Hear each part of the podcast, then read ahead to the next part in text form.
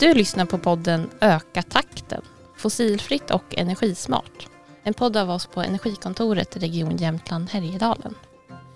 Funderar du på, du som lyssnar, på att byta till en bil med lägre klimatpåverkan? Såsom en elbil eller biogas? Eller funderar du på om du ens behöver ha en bil? Då har du kommit helt rätt. För i det här avsnittet ska vi prata om allt som har med just det att göra. Och vi som pratar från Energikontoret idag, det är jag, Hilda, och du, Fredrik. Men vi är faktiskt inte själva här i studion idag. Nej, det, det stämmer ju. För vi har ju faktiskt en gäst här i studion och det är ju Linus, eh, som jag brukar kalla Limpan Larsson. Snyggt, applåder. Hejsan. Hej, välkommen. Tack så mycket. Jag antar att du, vi pratar med oss för att eh, du just kanske vill ha ett eh, mer hållbara alternativ än Ja, jag vill lära lite från er idag. varför envisas egentligen Energikontoret på att prata så himla mycket om just transporter?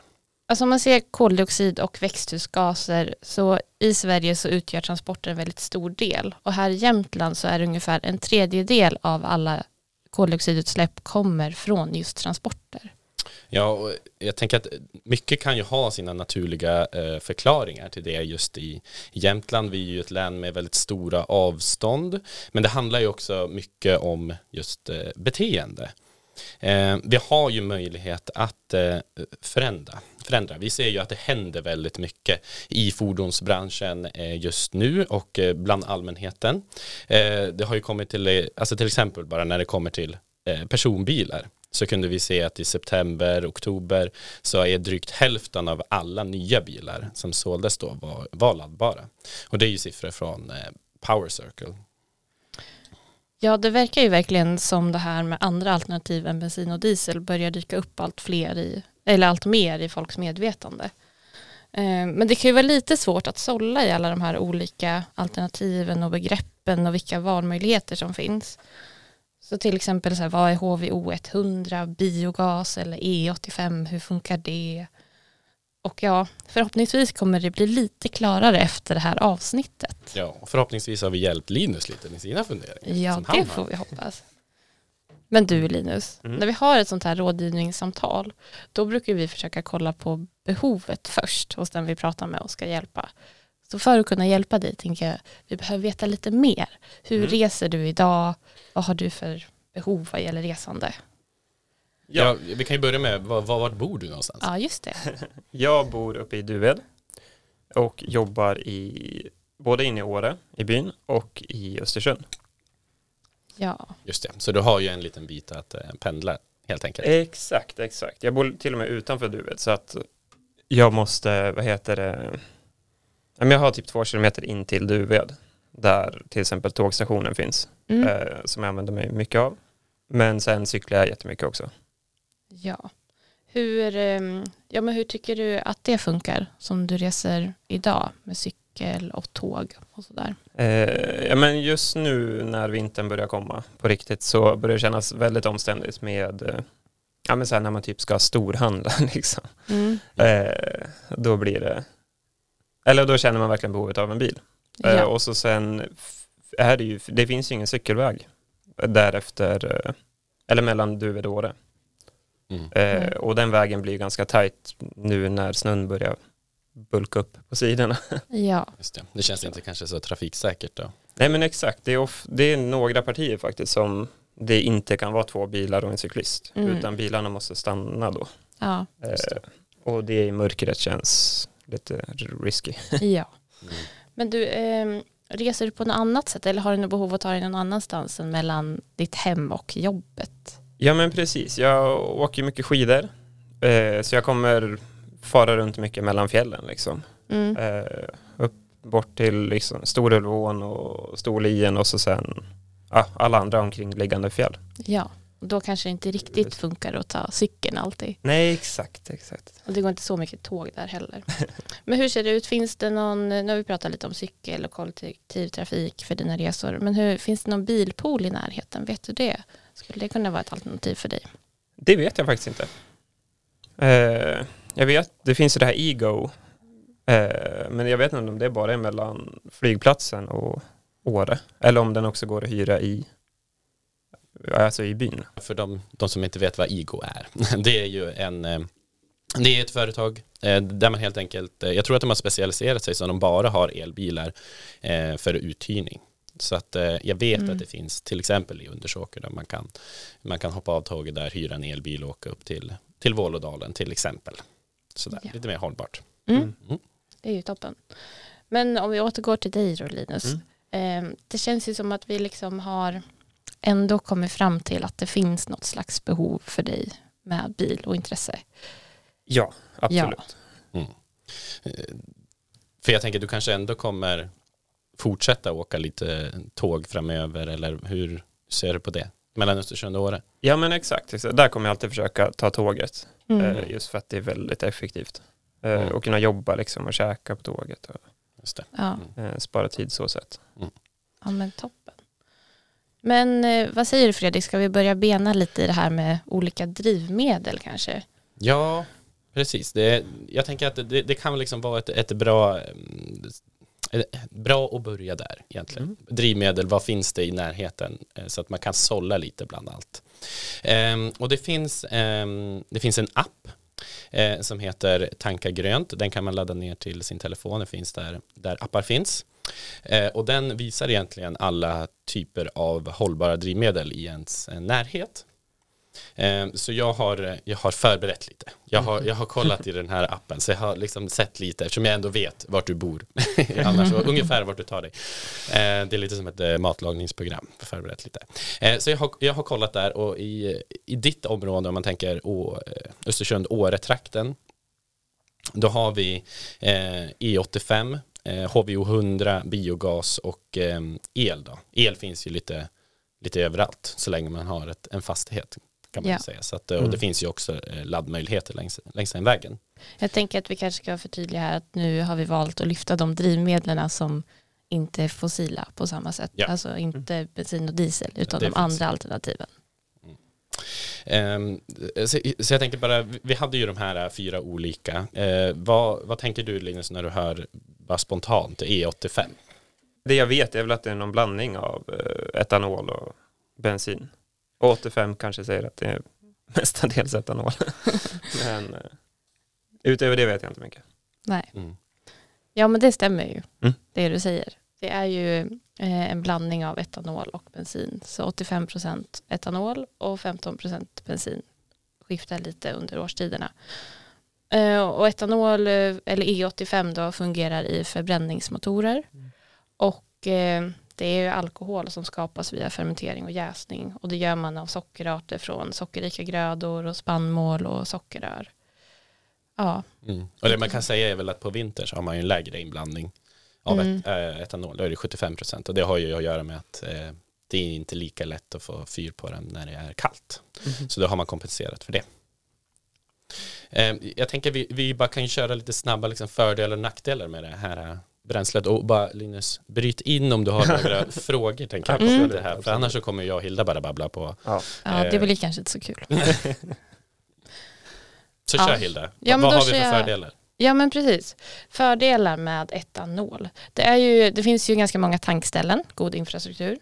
Och det går att efterkonvertera sin bil, alltså det går att göra om en bensinbil till en E85-bil. Em, så man kanske inte behöver skaffa en helt ny.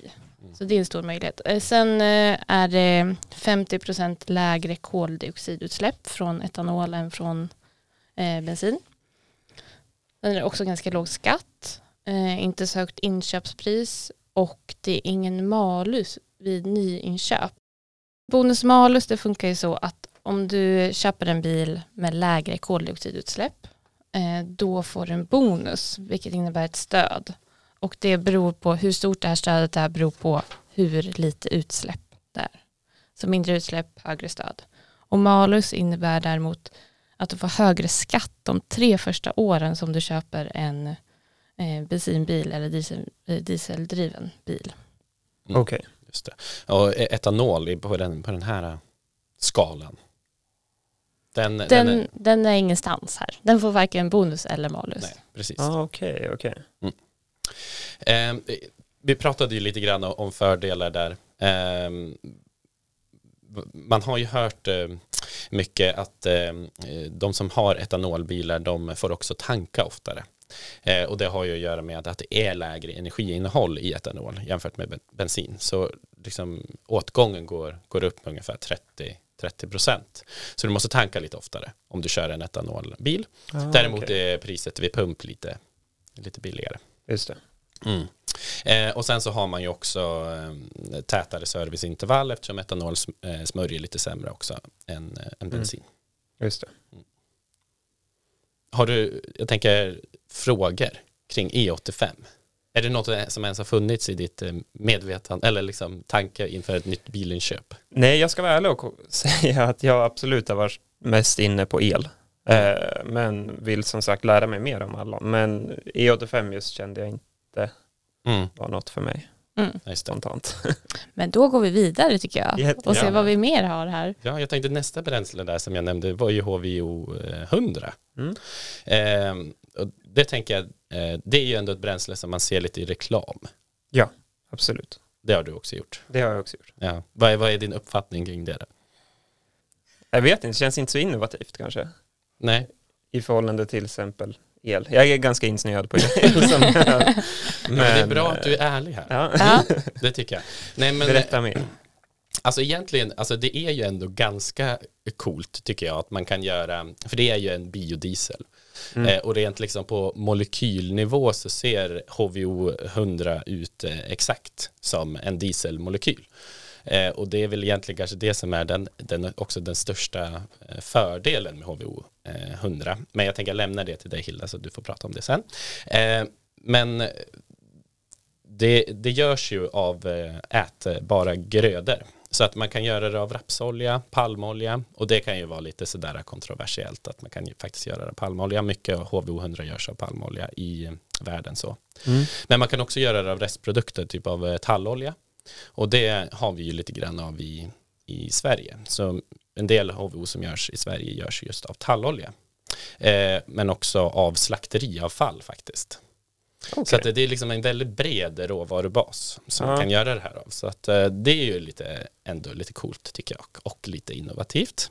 HVO 100, ja men fördelarna med HVO 100 det är ju att det går att använda direkt i en eh, dieselbil. Ja, för det måste ju vara en dieselbil. Ja, precis. Så det går att tanka din dieselbil idag med HVO 100. Och eh, det är ungefär 90% lägre klimatpåverkan än vad det är i fossil diesel. Mm. Okay, Så det är ju en, mm. en positiv grej. Precis, men just den här lägre klimatpåverkan det beror ju jättemycket på vad man faktiskt gör HVO av. Eh, som sagt, om man gör den, om man lyckas få tag i eh, HVO som görs av tallolja då, eller slaktavfall som vi sa, och mycket som faktiskt finns i Sverige eh, kommer just från de två eh, restprodukterna, då får man den här låga klimatpåverkan. Men däremot om man hittar HVO eh, 100 som görs av palmolja, som vi var inne på, då kan det faktiskt vara sämre än fossil diesel. För att oftast så gör man ju, odlar man ju palmolja där det tidigare har varit regnskog och sådär. Så det kan vara ganska problematiskt ur sådana liksom, aspekter.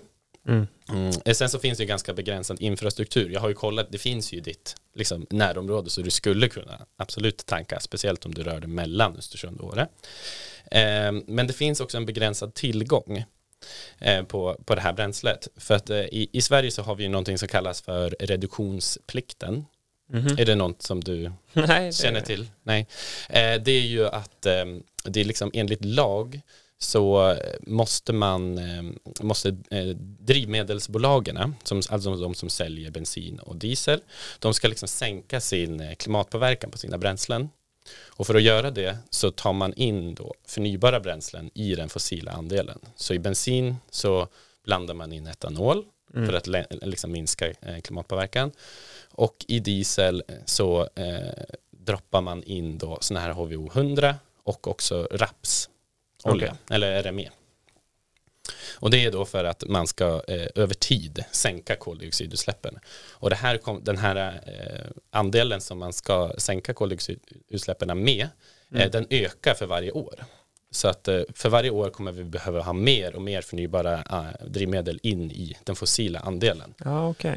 Ehm, och det här betyder ju att mycket av den här rena HVO 100 den kommer ju gå direkt ner i de fossila bränslena. Så, så det, kommer. Bli, det kan bli svårare och svårare att få tag i eh, det här bränslet framöver. För att det, det, kommer, vara, det kommer vara ganska mycket eh, fram till 2030. Okej, Ja. just det. Så att eh, just nu finns det, men vi vet inte hur det ser ut framåt. Nej, Ja. just det. Mm. Eh, jag tänker att, eh, Ja, och då då, till exempel om jag ska köpa en ny bil, Mm. så känns det som en väldigt dålig investering.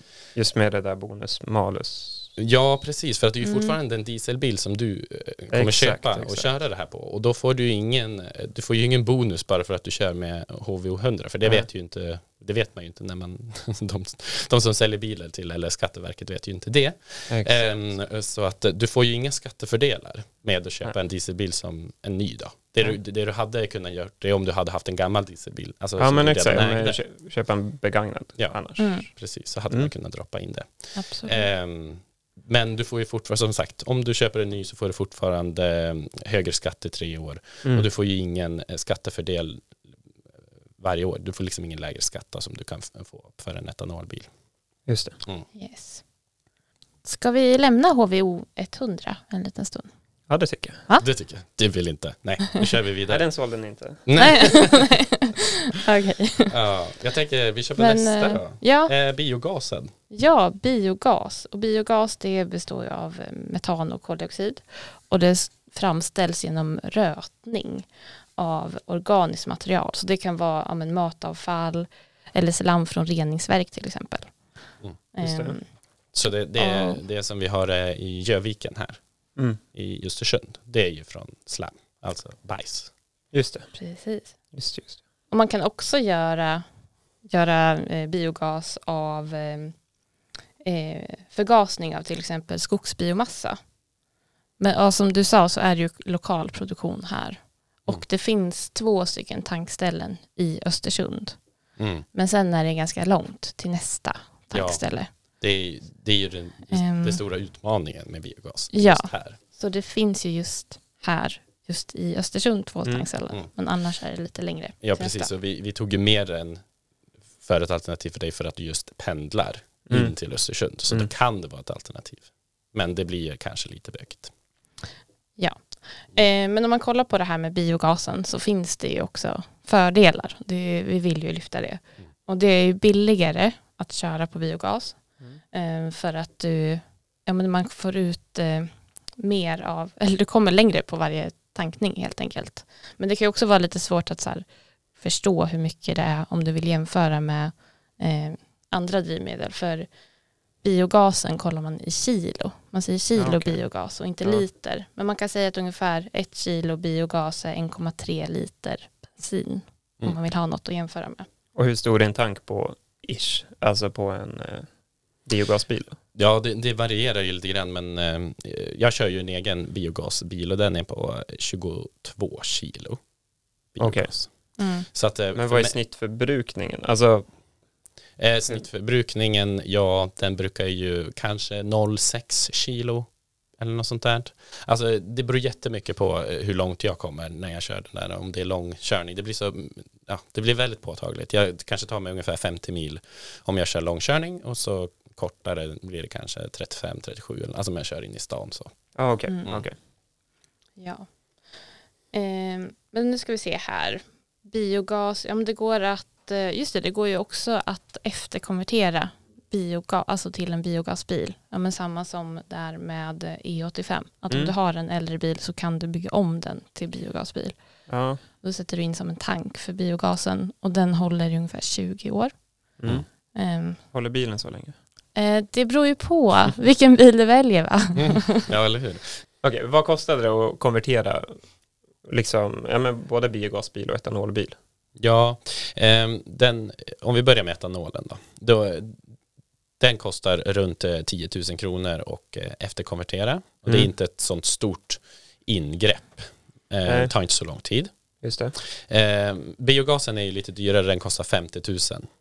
Okej, ja, det är ju betydligt saftigt. Eller liksom att lägga på det på en bil Mm. känns kanske lite väl.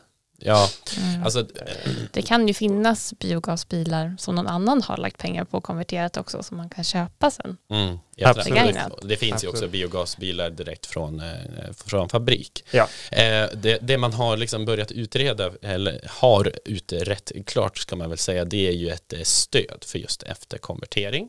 Just Ehm, och då har man ju tänkt sig att eh, man ska få hälften i stöd. Så att då skulle det börja ligga på 25 000 då, och 5 000 kronor istället. Just det, sån här grön teknik.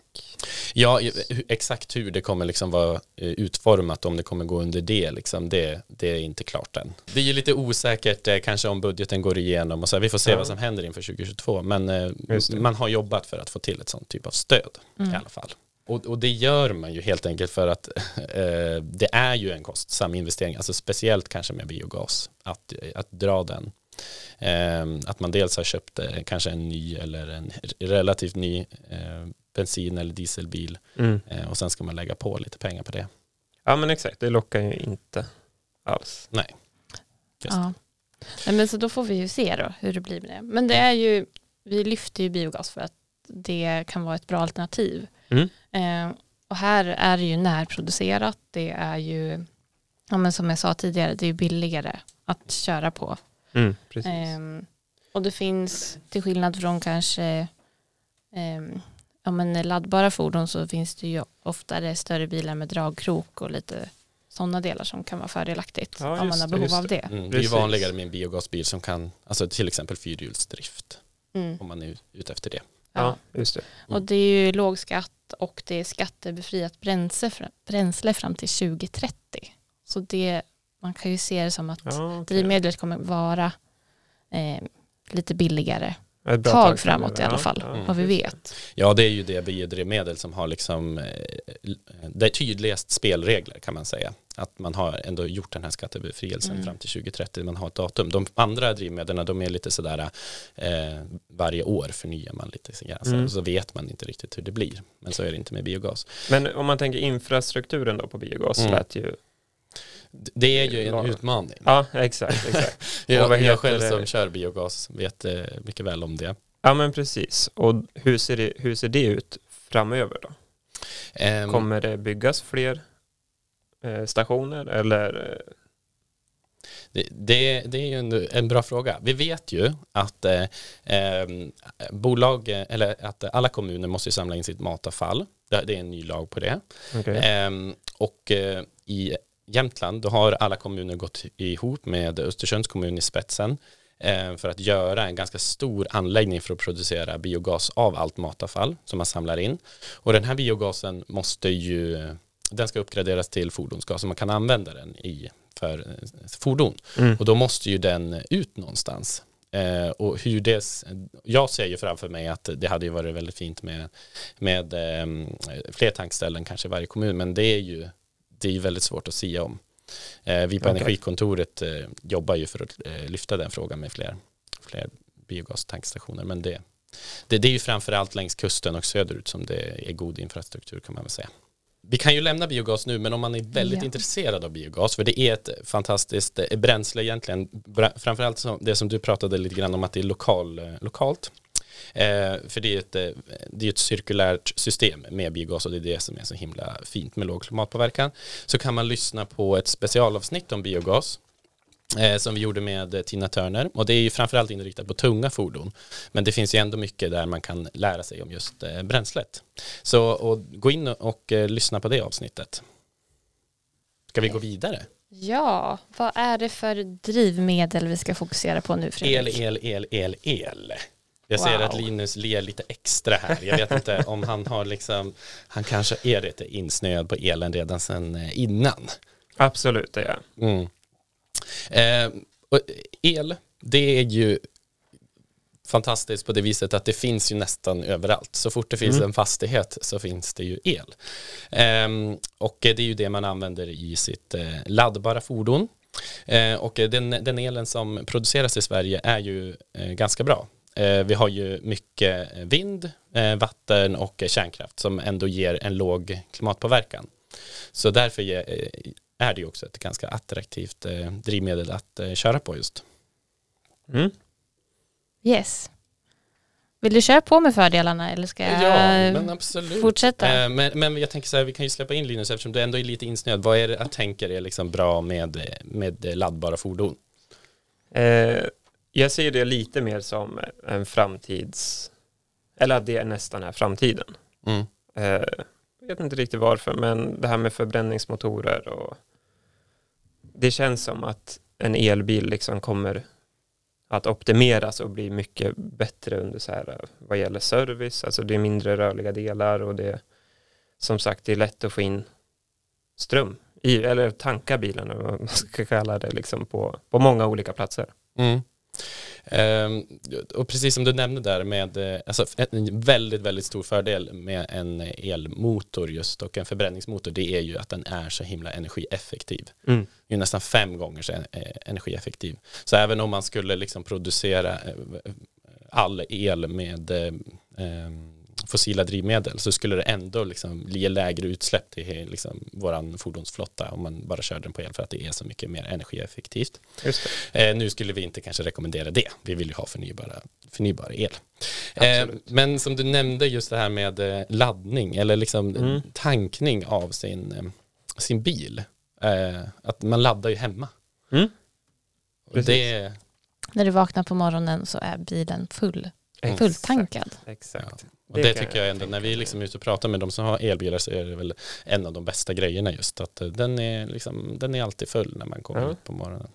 Precis. redo att köra iväg. Ehm, ja men som vi var inne, eh, och du också, det är billigare service, ehm, absolut, Un- och eh, underhåll. Eh, den är ju relativt tyst i lägre miljöer, det kan ju vara bra för sin omgivning om man bor i ett villakvarter eller vad det nu kan vara. Eh, vi har ju en låg klimatpåverkan i Sverige eh, från själva liksom, körningen. Sen har ju en elbil ganska hög initial klimatpåverkan. Mm. Just det. Eh, vad tänker du att det kan bero på? Eh, ja, men hur man framtar batterierna till Mm. exempel. Ja, precis. Huvudsakligen. Ja. Eh, ja, men det jag tänker på just är livs, alltså livslängden på en, ett batteri i en bil. Mm. Och vad händer med batteriet efter? Ja. Och jag menar garantitiden varierar ju såklart mellan eh, märkena. Okay. Alltså, Så, att det är ju antingen per eh, om det är eh, sju år eller om det är 10 000 mil eller eh, vad det nu kan vara. Det får man nog kolla upp med, sitt, liksom, med, med det märket som man, man eh, funderar på att man ska köpa. Men det som händer liksom efteråt Eh, ett, ett elbilsbatteri är inte liksom uttjänat eh, när, du liksom, när du tänker att det är slut för att köra på i, i ditt fordon så är det liksom inte förbrukat utan då kommer det eh, gå till kanske batterilagring. Alltså du, du kan använda det eh, när du har producerar solel på taket Mm, så skulle du kunna ha sådana batterier i källaren för då fungerar det eh, alldeles utmärkt. Men sen så är det ju också att eh, man vill ju ta tillvara på alla de här metallerna som finns i de här batterierna för det är ju liksom ädelmetaller och vi vill ju använda det igen. Mm. Eh, så till exempel eh, Northvolt som eh, ska producera eh, ganska mycket batterier i Sverige. De vill ju ta mycket av eh, sin produktion från just, från just återvinna, återvunna batterier. Men det är lite så här i eh, startup-fas. Mm. Det har liksom inte funnits tillräckligt mycket batterier för att man ska kunna börja med återvinning. På Nej men exakt, vi vet inte riktigt hur, Nej, hur det exakt. hur länge de lever. Nej. Nej, precis. Ja, men eh, det, det kan ju finnas lite så. Nu har vi blandat lite för och nackdelar här, men det, det tänker jag går ju jättebra. Absolut. Eh, Men det som kan vara med att köpa en elbil eller så laddbar, det är att det kan vara ganska högt inköpspris, så det kan kännas lite saftigt för en del att Mm. köpa en Absolut. laddbar bil. Men det är ju också en bonus vid nyinköp på Mm. omkring 70 000 kronor. Så det är ju ett litet stöd och det är ju billigare drivmedel sen när du väl kör Ja, bilen med laddningen. Precis. Kostnaderna fördelar sig lite olika och det kan Ja. vara liksom lite svårt att och, eh, se det direkt kanske när man jämför med en en eh, fossildriven bil i samma liksom, lite kategori sådär att Mm. eh, vart landar kostnaderna någonstans liksom. Mm. Ja men exakt, för om man kollar bensin och dieselpriser nu, Mm. Mm. det känns ju inte så lockande att välja just det. eh, Nej, och det Nej. kommer väl inte stanna här eller ens vända neråt. Ja, det är ju det är väldigt svårt att, att sia om. Det beror ju på så Mm. må- många olika faktorer. Eh, priset på det. det, det går ju lite upp och ner. Mm. Men eh, vi är ju inte, rent politiskt sett så vill man ju att vi ska gå över, gå Mm. bort från fossila drivmedel. Så att jag vet inte om det finns några, vissa partier kanske eh, är lite sådär mer benägen att eh, sänka skatter och, och så när det gäller det. Mm. Så man vet ju inte vad som händer, men just nu så är det ju eh, fördel, laddbar bil. Ja, men sen så kan ju det här med eh, lite räckviddsångest är ju något som vi har hört talas om, Mm. eller? Mm, Mm. Absolut. Hur Ja. känner du kring det? Ja, men där har jag varit lite fundersam på just hur långt kommer jag ta mig och ja, men just jag måste ju veta exakt vart alla stationer är. Mm. Eh, Men det är du tipsade mig om tidigare Fredrik att det finns många bra appar för det. Ja, absolut. Eh, Och kunna beräkna just Mm. hur långt jag behöver ta mig och när jag ska ladda hur mycket. Och, Ja, men räckvidden är ju lite olika på olika elbilar. mm. Så är det ju. Och det kan variera lite mellan vinter och sommartid och vilken typ av resor man gör. Kör man mycket korta sträckor Mm. så räcker det ju längre. Mm. Det är ju Förstås. väldigt bra med, med elbilen på det viset att man kan åka mycket korta sträckor utan att behöva ladda så mycket. Mm. Men annars, om man tänker de resorna som du gör, Mm. så ser jag det som att det borde räcka. Eller att du skulle Ja. klara dig fram och tillbaka till fjällen för att åka Absolut. skidor utan Absolut, att behöva absolut. ladda. Ja, nej, men också även den här resan Åre-Östersund Mm. känns ju inte omöjlig med en, med en laddbar bil. Det beror ju såklart självklart alltså på vilken modell Ja. det man tänker sig. Om det är en ny elbil, de har ju oftast eh, längre räckvidd. Då, då kan vi ändå se räckvidder upp mot 50 mil nästan i liksom optimala för, förhållanden.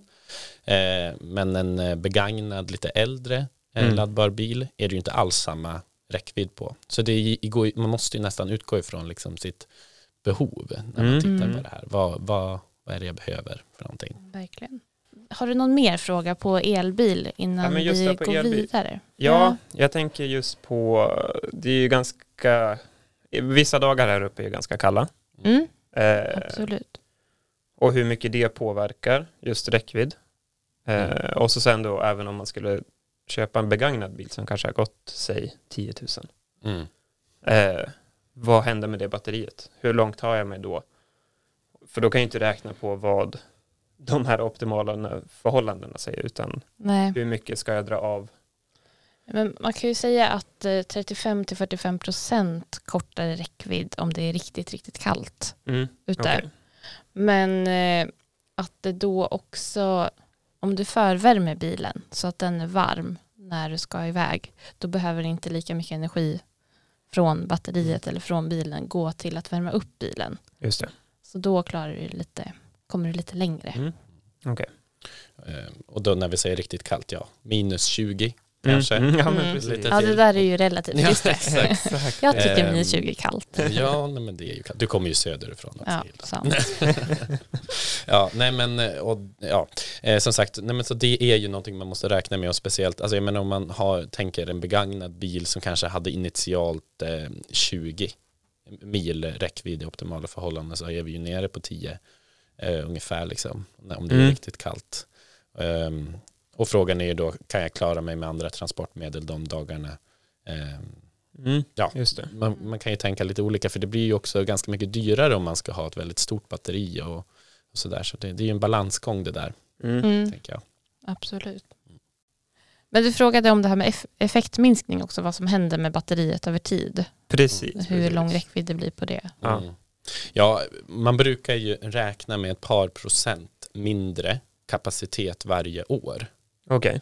Ehm, så att är, för att vara liksom riktigt på den säkra sidan så kan man eh, eh, dra av eh, 20 procent på liksom det, eh, det, vad man säger initialt liksom på, på kapaciteten om man tittar på en begagnad bil. Mm. Men begagnad bil betyder ju Det kan betyda lite olika. exakt, exakt. Om det Ja, är 2000 precis. mil eller Ja, 20 000 mil. jo exakt. Så det, det, det får man ju ha lite eh, vad ska man säga, fingertoppskänsla kring. Alltså det, på vissa bilar då kan man ju faktiskt gå in och titta liksom bat- sin batteri, alltså batterihälsan. Mm. Till exempel Nissan har ju sån funktion, man kan gå in och titta. Men det är inte alla elbilar som har Mm. den funktionen så tydligt och då kan man behöva göra någon, eh, en slags liksom matematisk uträkning om man vill vara på den säkra sidan. Man kan ju räkna på eh, 2-3 procent kanske för varje år den har varit i bruk eller varje tusen Mm. mil eller Mm. nå- någonting sånt. Så bara för att man ha, ska ha den här marginalen så överskattar man inte liksom batteriets kapacitet. Troligen så kommer det nog vara bättre än, än det, man, det man in- initialt har räknat ut. Ja men även om vi inte vet allt om begagnade Mm. Bilar just nu och begagnade elbilar Ja. då framförallt så har vi, det är ett projekt på gång i landet för energi och klimatrådgivarna så vi kommer lära oss mer om det här. Okej. Så återkom lite senare så ska jag nog kunna absolut. svara på lite fler frågor. Jättebra. Ja, men vad sa vi? Laddhybrid, plug-in hybrid. Är det Mm. någonting vi ska prata om här idag? Ja, men jag tänker vi kan väl bara nämna det eh, lite snabbt så här. Eh, som du sa, antingen laddhybrid eller plug-in hybrid är två olika, kärt barn har, kärt barn har många namn. Mm. Eh, det är ju egentligen dubbla, då, har, då kör man ju omkring med dubbla system. Man har ju dels en förbränningsmotor som oftast går på bensin Mm. och sen så har man ju ett eh, lite mindre elbatteri och en em, elmotor. Em, så att eh, då kan man ju köra en kortare sträcka på, på el och sen så slår den här eh, bilen över då och kör på bensin när den väl Just det. behöver det. Precis. Ja, men jag har också varit li- lite inne på just en plug-in hybrid Mm. när jag hade min, vad, sa, vad kallade du det, räckviddsångest? Ja, precis. Ja, exakt. Ja. ja, men det är ju, man får ju bonus vid nyinköp av Mm. en sån bil. Jag tror att det ligger på drygt eh, 45 000 max. Som Okej. man får för. Just just det. Ja. Just. Så lite bonus men inte lika mycket. Ja. Och eh, det är ju lägre klimatpåverkan om man jämför med till exempel en bensinbil. Ja, men särskilt med Eh. mina sträckor, alltså när det är Mm. mycket Ja. mellan hemma och, alltså Ja. du och Åre. Ja, Mm. Eh, och så sen upp, ja men ska jag åka skidor, ska Mm. jag, ja, Mm. de kortare Absolut. sträckorna. För de, de bilar jag kollar på tar sig ju runt, ja men nästan 40 kilometer, 50 Mm. ja. vissa. Ja men Men- precis, och det kan ju räcka alldeles utmärkt om man tänker att eh, det är på sommaren. Det är liksom de här optimala Mm, förhållanden mm, men så ja, kommer just det, man, just det. eh, Mm. kommer man till den här eh, att det kanske blir 45 procent lägre räckvidd Mm. bara för att det, eller när det är kallt. Då är ju inte det jätte, jättelånga sträckor, Nej. tar det ju på Exakt, På el. just det. Men det som kan vara också är ju, just för att du har två system som du kör runt med så Mm. blir det dyrare med service. Okej, För du måste ta hand om, förstås. ta hand om dubbla system. Ehm, och det är ju kortare räckvidd på själva elen än på en ren elbil. Precis. Ehm, det går ofta inte att snabbladda heller. Nej, och, eh, ja, och framför, eftersom det inte gör det eh, oftast då, det är några modeller man kan snabbladda Mm. och det kan man säkert komma lite fler modeller som man kan snabbladda på. Eh, men så betyder ju att det går ju på fossilt bränsle när, när elen är slut och Ja, den, den kan ju ta slut ganska fort. Precis. Mm. Eh, men som sagt, det är väldigt, om det ska vara liksom ett bra alternativ för en, då ska man köra korta sträckor Mm. och man ska liksom så mycket som möjligt ska kunna gå på el. Exakt, exakt. Och då är det ju Mm. också viktigt att eh, bilen kan köra iväg på el direkt när man Ah, startar okej. den. Eh, och det är inte alltid de kan göra det heller. Det är lite sådär, eh, speciellt då om det är lite kallare, Mm. så, så är det inte säkert att de, de, de kan starta på el, utan de kanske startar på eh, bensin. Och sen när den, eh, det har blivit lite värme, då kan den gå över på el. Ja, okej. Eh, Så det, kan inte heller, det är inte säkert att det är optimalt för just ja, den här miljön på det viset, om du Nej, vill köra förstås. så mycket som möjligt på el. Precis. Ja, men Linus, Ja. Var, vart står du i, alltså hur nära ett beslut är du eller var, vart i processen är du? Jag är ganska nära ett beslut på just en elbil då. Mm. Eh, men det har varit jättekul att höra de andra alternativen. Men eh, inte riktigt såld, som Nej. sagt. Eh, Men eh, då, jag tänker så här att eh, då eftersom du ändå är inne på liksom laddbart, Yes. då måste vi också prata laddning. Vi var inne lite grann på det när vi pra- började prata om snabb, snabbladdare. Jag tänker. Men vi, Mm. vi, vi, vi måste ju ändå nämna det. Eh, och vad, laddning, vad, vad tänker du då? Vadå? Vad gör, vart laddar man? Vad, vad, Jaha, eh, helst hemma. Ja. Förstås. Hur ser det ut idag? Har du möjlighet till laddning vid ditt hem? Eh, jag har inte det just nu, Men jag pratade med min hyresvärd och han var ville att sätta in en box åt mig. Mm. Eh, för de är också på gång att skaffa en elbil Ja, eh, inom kommande månader. Just det. Ja, nej men för att det är ju, det är ju jättebra. För det, alltså 80-90% av all laddning som du kommer göra kommer ske just vid ditt eh, hem. För Ja, det är liksom, det. det är den, oftast den räckvidden du behöver som du kan Mm. ladda över, över natten. Eh, och det är också där strömmen är som billigast, det är där du får liksom, kostnadsfördelarna kan man säga. Precis, precis. Så det, det är superbra att du liksom, eh, har funderat på det. För det, det är många som kanske köper en laddbar bil och sen så bara, oj just det, laddning exakt, exakt. Ehm, och det, För de här publika laddstolparna, hur, eh, hur bra är de? Hur funkar det? ehm, ja, det finns ju liksom en eh, påbörjad laddinfrastruktur Ja. ehm, eh, runt omkring i Sverige. Och vi har ju varit ganska tidigt ute ändå i Jämtland. Men du ska ju iväg idag Fredrik och inviga en ny snabbladdare. Ja, precis. Det känns eh, väldigt kul att vi äntligen har rott i hamn eh, Strömsund. Mm, just det. Så att det får lite eh, bättre infrastruktur där norrut. hur snabb det- är den snabbladdaren? Ehm, den kommer vara på 50 eh, Okej. kilowatt i inledningsvis. Ehm, jag Vad tror innebär det för den som lyssnar och inte riktigt jag vet vad det är. Ja. Ja. Nej, men det finns ju liksom lite olika definitioner när man pratar om laddning. Dels Mm. är det ju det man pratar om hemma. Det är ju hemmaladdning, då har man ju oftast lägre effekter. Man kanske börjar på eh, 3 kilowatt upp till 22 Mm. hemma. Och eh, kilowatt, det, beror ju, det, det är egentligen ett mått på ungefär hur, hur snabbt eh, går det att eh, fylla min eh, liksom, bil. Ja men exakt, för ett batteri mäts i kilowattimmar. Ja, exakt. Eh, och om vi säger att ett eh, batteri är på 70 kilowattimmar, då kan man ju liksom lite räkna, räkna ut där. Då. Ehm, em, och sen så ehm, har vi ju då de här snabbladdarna. Då. Och det är ju effekter från 50 kilowatt och uppåt brukar man räkna dem. Ehm, så det, det är liksom det, det det måste vara för att det ska få räknas som en snabbladdare. Ehm, och, eh, men det finns ju effekter som är mycket högre än 50. Eh, jag tror att de, ehm, man börjar installera, på vissa ställen är det ju 150 eller 350 kilowatt. Så det är ju väldigt höga effekter. Och det är inte säkert att alla elbilar kan ta emot det som produceras idag. För det, är liksom, det, det sitter begränsningar i bilen mm, eh, som avgör hur, hur mycket man kan ta emot och det beror liksom på från modell till modell. Mm. just det. Men jag tänker om, om Linus, om du skulle vilja ladda din bil någonstans som inte är vid hemmet då, hur, Mm. hur ska du gå tillväga då? Alltså vad, Ja men exakt, exakt. Mm. Eh, det jag tänker, det är, jag jobbar ju som sagt inne i Åreby eh, och där finns det ju en massa stolpar eh, Mm. runt om. Eh, och det är om man parkerar där tänker jag i sådana fall. Ja. mm. Och det, det som gäller då det är ju att man har ehm, rätt, eh, det finns ju olika operatörer. Det finns ganska många olika operatörer och det är väl en Okej. liksom, lite sån här nackdel med laddinfrastrukturen idag att eh, det, det, det finns många ute på marknaden så man måste eh, hålla koll på vart kommer jag och laddar så att man har rätt app Mm. till exempel eh, för att starta sin laddning. Nu tar det inte jättelång tid att ladda ner en app. Men Nej. men, det, men det kan ju ändå vara lite sådär äh, att man kommer dit och så kanske, man kan ju vara lite stressad, man ska in på något Ja, ja, möte ja. eller någonting, liksom, man är inte förberedd. Så det kan ju ändå vara bra kanske att kolla ut sin rutt, vart ska jag ladda, så kan man ladda ner Absolut. appen i förväg och fixa Just med betalning och allt vad det nu kan vara.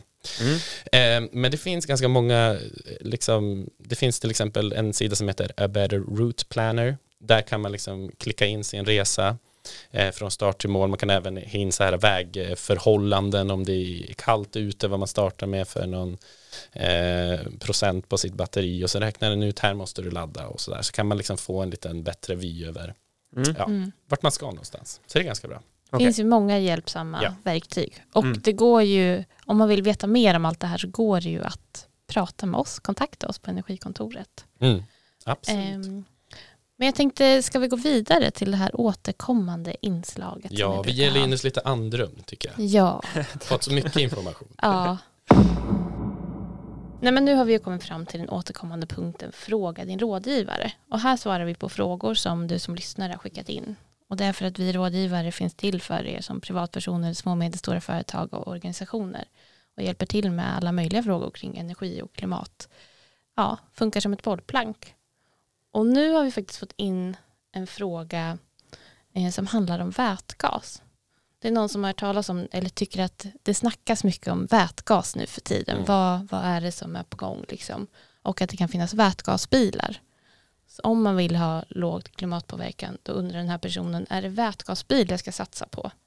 Är det, är det grejen nu? Du tycker att jag ska svara på den här Ja, frågan? jag kollar på dig. Ja, ja, du Tänker att du mig. får svara. Linus kanske har något. Ja. Nej, men... Eh, Jag såg eh, faktiskt ett test på en ny vätgasbil. Jaha. Ah, Den på en tank, Mm. laddning, Ja, tank. Ja, Jag tror den tog sig 90 mil. ja. Eller lite Mm. till kanske. Just det. Ja, nej, men för att eh, det, vätgas är ju just en gas, så man tankar, man, eh, man tankar ju den, det är ju som biogas typ, eh, att man Mm, tankar en gas. Så det, det, det mäts ju också i kilo. Eh, men sen så konverteras ju den här vätgasen eh, i en bränslecell, så att man kör ju på el. Så att man brukar säga att det Ah, är ja, en ja, ja. elbil, bara det Just att man, bränslet är vätgas från början. Mm. Ehm, och eh, om man går tillbaka till den, din, den här frågan, Hilda. Ehm, ja. vätgas, absolut kan det vara en lösning i framtiden, tänker jag. Eh, men inte kanske här och nu.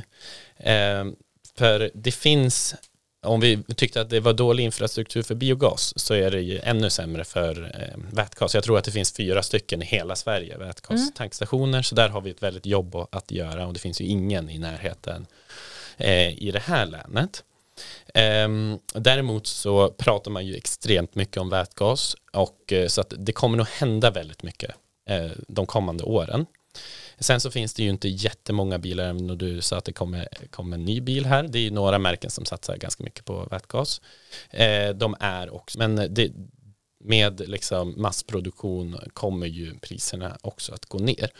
Så jag, jag, jag tänker att den här personen bör vänta lite grann Mm. innan den införskaffar sig en vätgas. Jag tänker att det, det finns bättre alternativ som man kan göra här och nu. Tack Fredrik för det svaret. Bra. Alla de här alternativen vi har pratat om spelar ju en viktig roll.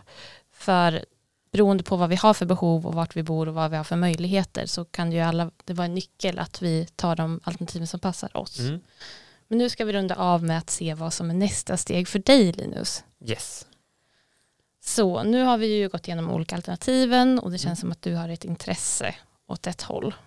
Lite absolut, särskilt. absolut. Ja. Eh, Då innan man bestämmer sig för en bil så kan det ju vara lite skönt att gå ut och kolla och kanske provköra till och med. Mm. Eh, Och sen finns det också olika alternativ vad gäller antingen att köpa en ny bil, Mm. köpa begagnad Mm. bil, leasa. Ehm, Men ja, nästa steg kanske är att testa lite. Mm. Gå ut och se. Hur Absolut, känns det? Absolut. Jag har testkört några och det, det är kul att köra elbil. Bra. Det ska vi ta med oss. Mm. Ja, för det får man ju inte glömma. Körupplevelsen. Det Exakt, jag är ju bilintresserad Just och det har jag Ja. alltid varit. Mm. Eh, så det känns som ännu ett plus på el. Ja, men kul att höra. Tusen tack för alla dina kloka frågor idag Linus. Det var. Jättefint att ha dig med här. Tack, Tack. själv för så informativ stund. Vill, vill du som lyssnar också få rådgivning kring eh, ditt resande, energi, eh, uppvärmning eller kanske solceller? Hör av dig till oss så hjälper vi gärna dig med tips och råd. Skicka ett mejl till energikontoret regionjh.se eller besök vår hemsida regionjh.se energikontoret. Där hittar du alla kontaktuppgifter som du behöver till oss och eh, våra kollegor. Sen vill vi tipsa om att hålla utkik efter nästa avsnitt av Öka takten. Och det kommer handla om vad då Fredrik? Eh, ja, det kommer ju handla om, det kommer vända sig lite extra mot alla företag där ute. Eh, för då ska vi nämligen höra hur olika företag i länet har gjort för att spara pengar och då genom energieffektivisering. Eh, eh, och minska då energianvändning. Yes. Nu återstår det bara att säga tack till dig Fredrik. Tack så mycket Hilda. Och ett stort tack till dig som lyssnat. Hoppas att det har klarnat lite grann vad det gäller tankar kring val av bil och eh, med mindre klimatpåverkan. Och det är bara att du hör av dig till oss. Det här avsnittet har finansierats av Energimyndigheten.